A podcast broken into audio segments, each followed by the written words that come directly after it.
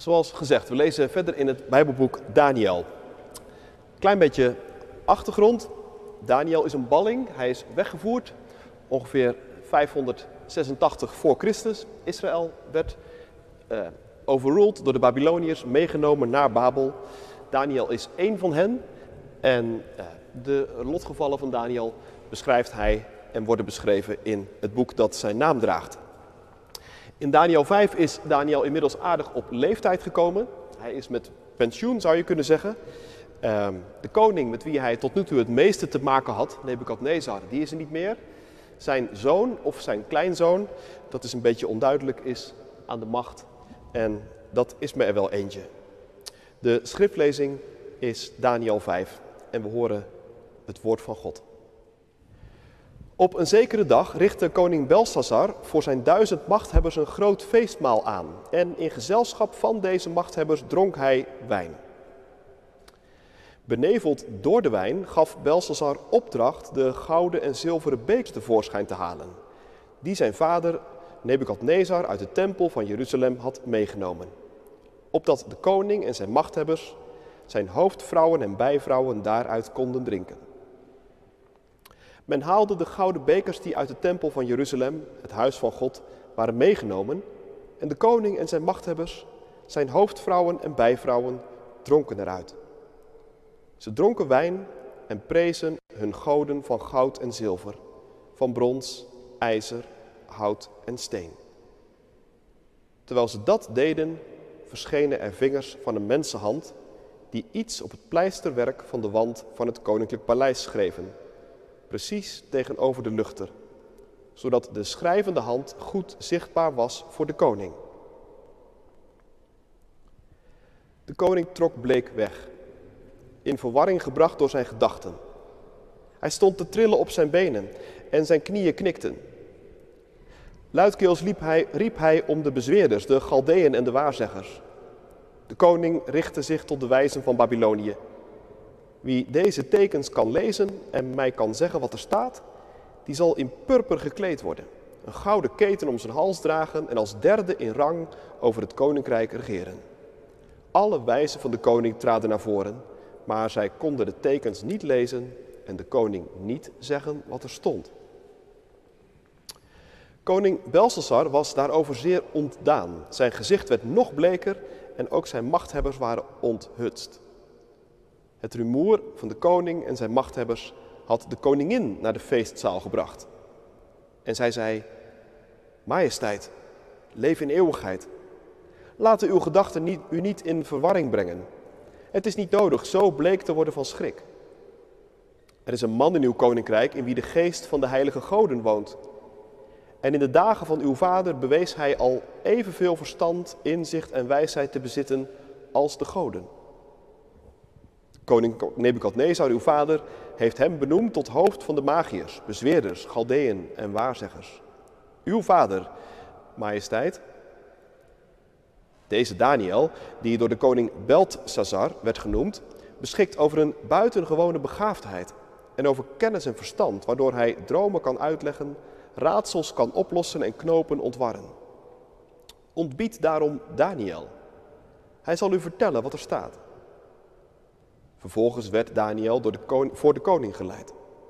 De koning zei tegen hem: Dus u bent Daniel, een van de Judese ballingen, die de koning mijn vader uit Juda heeft weggevoerd. Ik heb gehoord dat de geest van de goden in u woont en dat u over veel verstand, inzicht en wijsheid beschikt. De wijzen en bezweerders zijn bij mij gebracht om deze tekens te lezen en mij te vertellen wat er staat. Maar zij kunnen mij niet zeggen wat de woorden betekenen. Ik heb over u gehoord dat u duidingen kunt geven en knopen ontwarren. Welnu, als u de tekens kunt lezen en mij kunt zeggen wat er staat, zult u in purper gekleed worden, een gouden keten om uw hals dragen en als derde in rang over het koninkrijk regeren. Daniel antwoordde de koning: U mag uw kostbare geschenken houden of ze aan een ander geven. Maar ik zal de tekens voor de koning lezen en hem zeggen wat er staat. Majesteit, God de Hoogste heeft uw vader Nebukadnezar koninklijke macht, aanzien, eer en majesteit geschonken. En door zijn van God gegeven grootheid beefden alle volken en naties, welke taal ze ook spraken, van ontzag voor hem. Hij doodde wie hij wilde en liet leven wie hij wilde. Hij verhief wie hij wilde en vernederde wie hij wilde. Maar toen hij hooghartig en overmoedig werd, is hij van zijn koningstroon gestoten en is zijn eer hem ontnomen. Hij werd door de mensen verstoten, kreeg het hart van een dier en hij leefde onder de wilde ezels. Hij at gras als de runderen en zijn lichaam werd vochtig van de dauwen van de hemel, totdat hij erkende dat God, de Hoogste, boven het koningschap van de mensen staat en dat hij alleen, hij alleen bepaalt aan wie hij dat verleent. En hoewel u dit alles wist, bent u, zijn zoon Belshazzar, niet nederig gebleven. U bent tegen de Heer van de hemel opgestaan. U hebt de bekers laten halen die uit zijn tempel afkomstig zijn. En u en uw machthebbers, uw hoofdvrouwen en bijvrouwen, hebben er wijn uitgedronken. U hebt uw goden van zilver en goud, van brons, ijzer, hout en steen geprezen.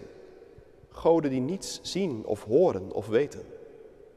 Maar de God die beschikt over uw levensadem en die al uw doen en laten bepaalt, hebt u niet verheerlijkt. Daarom heeft Hij de hand gezonden en de tekens laten opschrijven. Dit is wat er geschreven staat. Mene, mene, tekeel, ufarsin.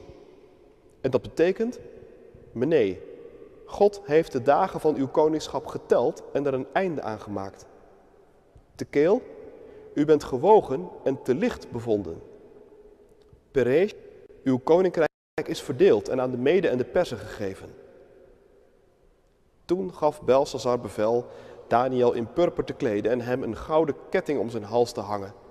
En hij liet afkondigen dat Daniel als derde in rang zou regeren over het koninkrijk. Maar diezelfde nacht werd Belshazzar, de koning van de Galdeën, gedood. Tot zover de lezing. Gemeente van Christus, thuis of hier in de kerk. Aan de oever van een rivier woont een reus. Hij is daar veerman en zet mensen naar de overkant. Niet met een boot, maar met zichzelf. Hij draagt hen op zijn rug of in zijn armen. Dat hij dat is gaan doen is op advies van een kluizenaar. Want deze reus, Reprobus heet hij, heeft maar één wens. Hij wil alleen de machtigste koning op aarde dienen en niemand anders. Maar met de zoektocht naar de machtigste koning op aarde wil het toch niet zo erg vlotten. Ja, er zijn er wel genoeg die zich de machtigste koning op aarde noemen. Maar telkens als Reprobus weer bij zo iemand in dienst treedt, dan blijkt na verloop van tijd dat het land is voor wie deze persoon bang is. En die kennelijk sterker is dan hij.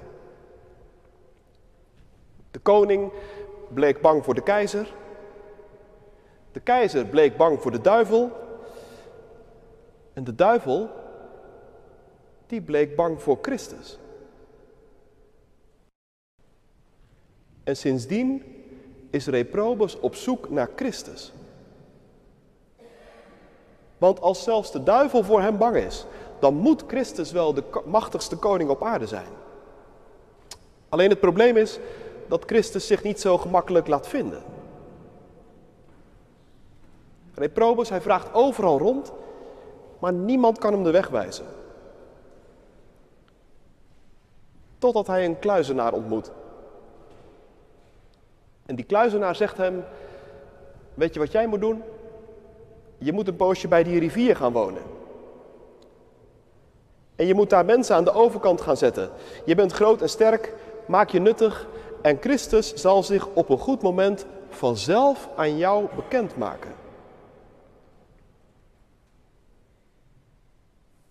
Nou, zo gezegd, zo gedaan. Er ging geruime tijd voorbij totdat Reprobus een keer een kinderstem hoorde. Veerman, riep het stemmetje, wil je me naar de overkant brengen? Een hoge en lichte stem. De reus moest buigen om te horen wat er echt gezegd werd. Ah, een makkie, denkt hij. En met een grote zwaai zet hij het kind op zijn schouders. Maar er is iets vreemds. Het kind blijkt zwaarder dan hij dacht.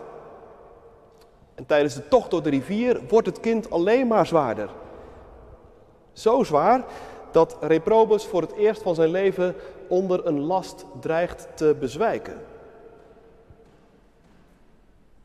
Zo jochie, zegt hij als ze met moeite de overkant gehaald hebben, jij hebt me aardig in moeilijkheden gebracht. Jij weegt als lood op mijn schouders en we waren bijna verdronken. Ik wel alsof ik de hele wereld op mijn nek had. Maar dat had je ook, zegt het kind. Want je hebt mij gedragen. En ik draag de last van de wereld. Het is mijn wereld. Ik ben Christus, die jij zo graag dienen wil.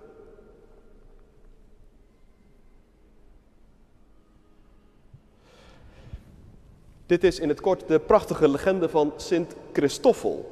Dat werd namelijk zijn naam nadat hij gedoopt was. Christoffel, Christophorus, Christusdrager. Beschermheilige van alle reizigers en alle pelgrims. En hij is hier in de kerk afgebeeld. De oude fresco's hebben weliswaar hun beste dagen gehad, maar als je kijkt boven de pelgrimzaal, rechts naast het raam, dan zul je hem herkennen. En wat het verhaal van die Christoffel nou zo bijzonder maakt, dat is de manier waarop Christus zich aan hem openbaart. In de gestalte van een kind met een enorm gewicht. En daarmee pakt dit bijzondere verhaal een belangrijke bijbelse lijn op. Want in de Bijbel heeft God gewicht. Een van de belangrijkste woorden waarmee het karakter van de Heere God in de Bijbel wordt omschreven, dat is het woord kaboot in het Hebreeuws. En dat wordt vaak vertaald met heerlijkheid, eer, glorie, luister. Maar het betekent tegelijkertijd gewicht. En die twee dingen, die liggen heel dicht tegen elkaar aan. Wie God de eer geeft, wie zijn heerlijkheid aanbidt, wie zijn glorie en zijn luister bezingt, die geeft God in zijn leven het juiste gewicht.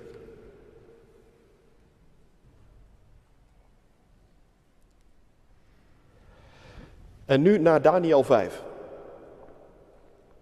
Want in dat hoofdstuk speelt het woord gewicht een cruciale rol.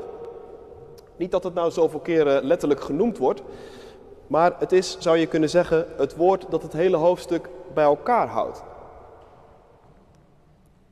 Het woord verschijnt op de muur van een denderende feestzaal, zomaar ineens. En je begrijpt, dat is al genoeg om iedereen in alle staten te brengen. Wat er staat, is trouwens voor de aanwezigen niet meteen duidelijk. En dat maakt het hele gebeuren nog een stuk angstiger. De geleerden van de koning weten er geen raad mee. Mene, mene, tekel, oefarsin lezen ze. Ja, zeggen ze, het zou kunnen gaan om de aanduiding van de gangbare munten in onze stad. Want de mine was in Babel het telstuk, laten we zeggen onze euro. En de tekel of de shekel was het weegstuk, laten we zeggen onze eurocent. En de peresh, dat was het deelstuk, laten we zeggen onze halve euro. Dan zou er dus zoiets staan als euro, euro, eurocent, halve euro. En dat klinkt natuurlijk uitermate raadselachtig. Uiteindelijk moet Daniel eraan te pas komen. En hij lijkt die woorden anders te lezen. En dat kan omdat je in Oosterse talen heel vaak de klinkers weglaat. Dat is bijvoorbeeld in modern Hebreeuws nog steeds zo.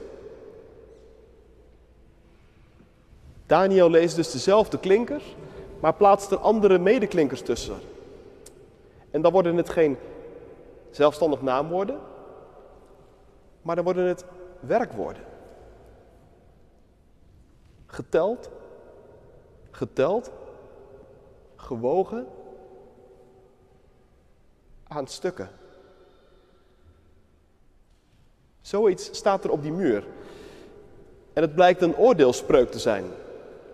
Uw dagen, koning Belshazzar, zegt Daniel, ze zijn geteld. God zal aan uw regering binnenkort een einde maken.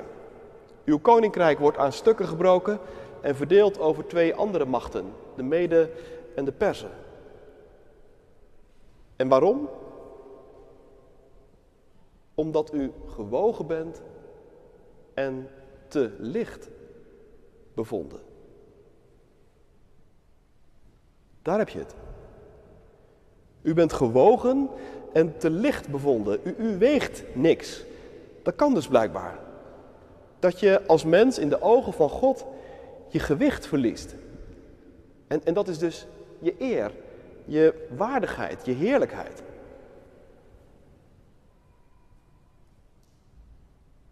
Aangrijpende realiteit, vind je niet? Je kunt voor God je bestaansrecht verspelen. Maar hoe dan? Hoe kan dat nou zo gebeuren hier in dit verhaal?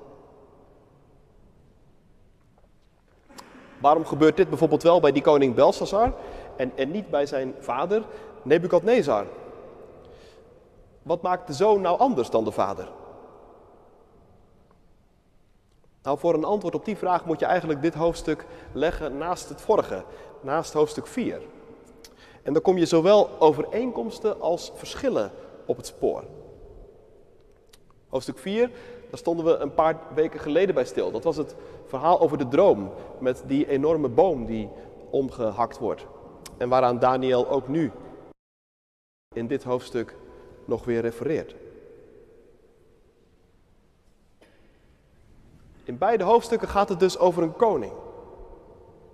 De een krijgt een droom, de ander een teken aan de wand. Allebei zijn ze boos en bang. In allebei hun gevallen roepen ze hun geleerden erbij.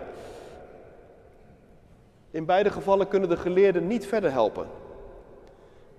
En in beide gevallen weet Daniel uiteindelijk het antwoord.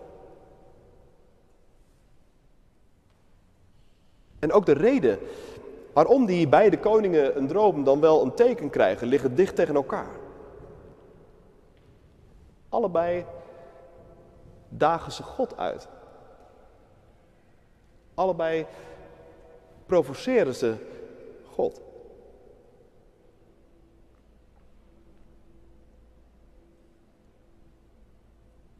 Maar nu de verschillen.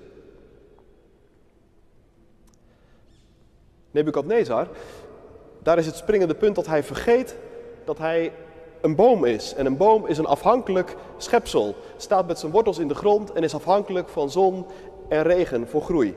Een boom kan niets uit zichzelf. En precies dat was Nebukadnezar vergeten. Is dit niet het grote Babel dat ik gebouwd heb? Hoor je hem snoeven. En dat is het moment want wie zo hoogmoedig en arrogant praat, die verliest zijn menselijkheid.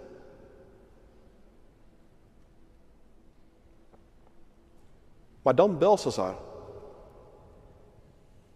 Uit het hele hoofdstuk blijkt dat hij nog niet in de schaduw van zijn vader kan staan. Het hoofdstuk zit vol humor en spot en de schrijver gebruikt alles om dat duidelijk te maken.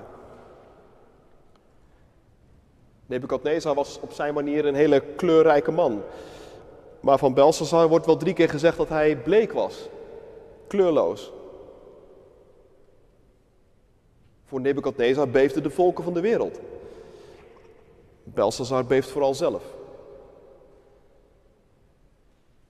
Nebukadnezar had nog een verhaal. Die kon nog eens ergens een nacht van wakker liggen. Belshazzar heeft geen verhaal meer.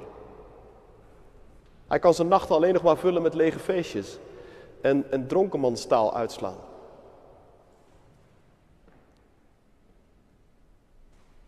Dat Nebukadnezar de tempel van Jeruzalem leegroofde, dat lijkt nog tot daar aan toe. Maar kleinzoon Belshazzar aarzelt niet om ze tijdens een groot feest tevoorschijn te halen en eruit te gaan drinken. En dat doet de deur dicht. Nebukadnezar is de man van de hoogmoed. Belshazzar is de man van de leegte. Die laat zien waar hoogmoed eindigt.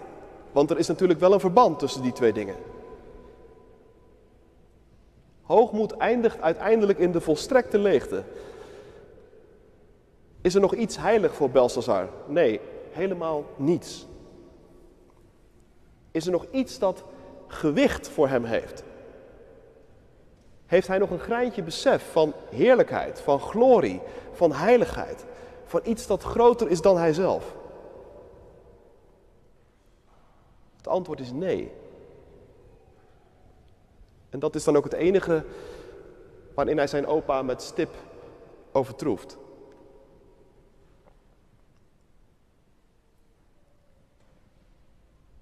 Ook Daniel, inmiddels met pensioen, is goed deels vergeten.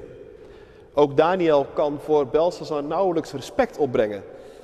Hij spreekt tegen Belshazzar heel anders dan hij deed tegen Nebukadnezar. Tegenover Nebukadnezar was hij altijd eerlijk, maar wel respectvol. Tegenover Belshazzar laat hij minachting horen. Hou je rommel zelf maar. Zoiets grondt Daniel ongeveer als de koning wil beginnen om hem te behangen met goud en zilver. En de rest van de toespraak is één grote aanklacht. U had het kunnen weten, koning. U kende de verhalen van uw vader of uw opa. Hoe hij door zijn hoogmoed zijn menselijkheid verloor. Maar het heeft u helemaal niet veranderd. Sterker nog, u bent een beslissende grens overgegaan. U bent aan de haal gegaan met dat waarvoor uw opa nog respect kon opbrengen. Wat in zijn ogen nog heilig was. U bent een point of no return gepasseerd. Door de heerlijkheid van God te minachten, bent u uw eigen heerlijkheid verloren. Voor u is er niks meer dat nog echt gewicht heeft. En daardoor wordt u zelf gewichtsloos. U bent gewogen, maar te licht bevonden.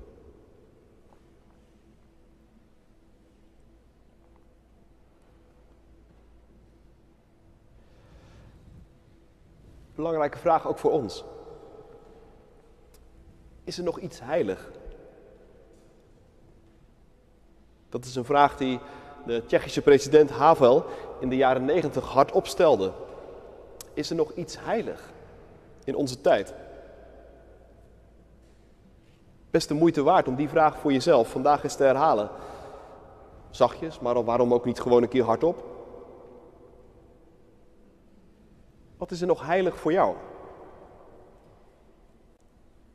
En nee, dan bedoel ik niet heilig in de zin van iets in je leven waar niemand aan mag komen. Zo beschouwd hebben we allemaal nog best een heleboel heiligs in onze levens. Een heleboel gewoontes waar een ander maar beter niks over zeggen kan. Een heleboel opvattingen waar we maar weinig tegenspraak over accepteren. Daar gaat het dus niet om. Waar het om gaat is, wat heeft er in je leven gewicht? Wat heeft er gewicht van God? Ken je die ervaring van die Christophorus? Dat God gewicht heeft. Dat zijn heerlijkheid, zijn glorie, zijn luister zoveel betekenis voor je hebben dat je zegt, God is in ons midden. Laat nu alles zwijgen. Laat alles in ons voor Hem zich buigen. Is er in die zin nog iets heilig in ons leven? In de kerk? In onze cultuur?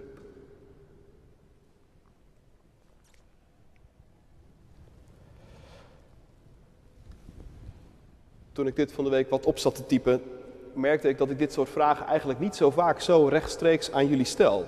Wel veel aan mezelf, maar niet zo aan jullie. Daar is ook wel reden voor. Want het riskante is namelijk dat dit soort vragen je enorm op jezelf terugwerpen. Dat kan in de kerk nooit de bedoeling zijn. Hier kun je juist jezelf verliezen. En boven jezelf uitgetild worden. Ik stel deze vragen dan ook niet om iemand dan ook maar wanhopig te maken. Maar, maar wel als een soort temperatuurmeter. Is er nog iets heilig voor je? Voor ons? En, en zo ja, hoe blijkt dat dan? En als we dat nou hele ingewikkelde vragen vinden, zou het dan niet kunnen dat we aan gewichtsverlies lijden?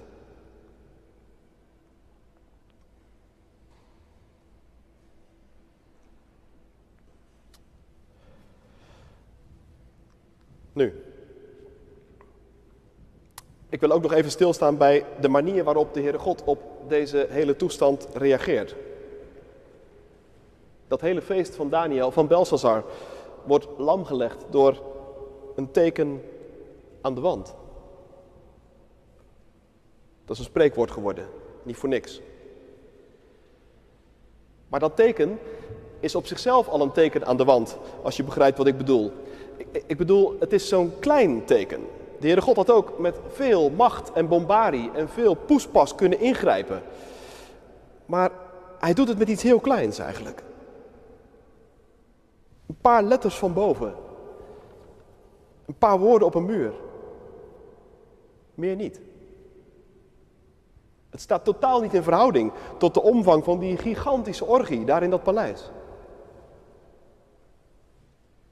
En die paar woorden van, van boven staan niet in verhouding tot die stortvloed aan bralpraat uit de mond van de koning. Vier woorden maar. Meer niet. Maar het is wel genoeg. Eén vinger is genoeg. En ineens stopt alles. Dit was niet gepland. Hier had niemand om gevraagd. Maar weet je,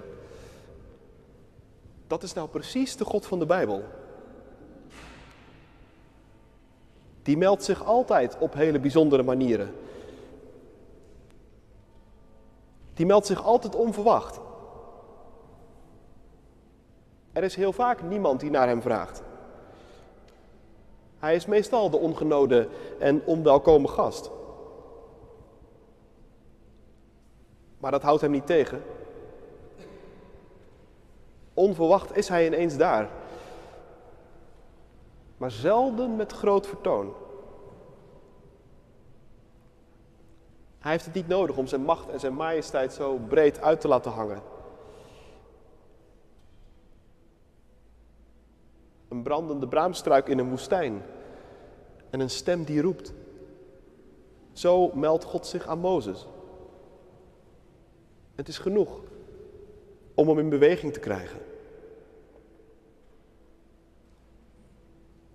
Niet in een storm, niet in een vuur, niet in een aardbeving, maar in het zuizen van een zachte stilte. Zo meldt God zich aan Elia. Het is genoeg om hem in beweging te krijgen. En hier een vinger en een paar woorden. Zo meldt God zich aan Belshazzar. En het is genoeg om het einde van een tijdperk in te luiden. Want bij de eer en de heerlijkheid van God gaat het niet om de omvang, maar gaat het om het gewicht. En dat doet God nou telkens. In de kerstnacht bijvoorbeeld doet hij het weer zo. De machtigen vieren hun feestjes en niemand zit op een ingrijpen van God te wachten. In Rome, in Jeruzalem, er is niemand die naar hem vraagt. Maar het houdt hem niet tegen. Onverwacht meldt hij zich. En weer niet met groot vertoon. Hij hoeft zijn macht en zijn majesteit niet zo nodig breed uit te laten hangen. Een klein kind in een kribbe. Daarin laat hij van zich spreken. Zo meldt hij zich. Via Jezus klopt hij op de deur van de wereld.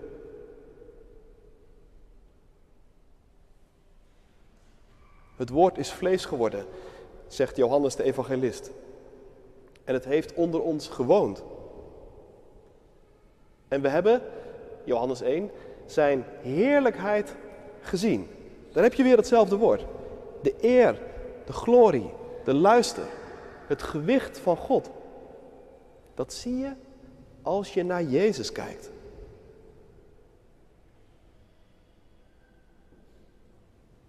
Jezus heeft gewicht.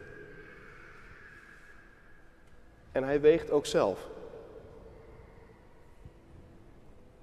De zonde bijvoorbeeld, die weegt Jezus. Al die gewogen en te licht bevonden mensen bij elkaar, voor wie zo weinig heilig is dat ze Jezus zonder blikken of blozen aan een kruis spijkeren.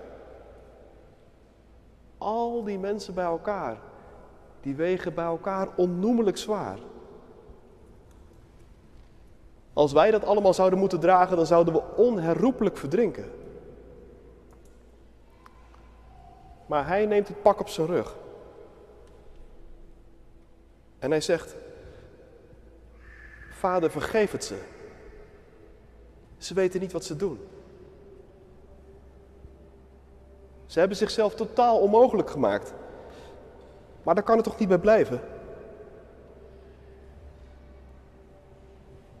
En dat offer heeft God aanvaard. Tegen zoveel liefde kon hij niet op. Want wie het zwaarste is, die zal uiteindelijk ook echt het zwaarst wegen. Amen.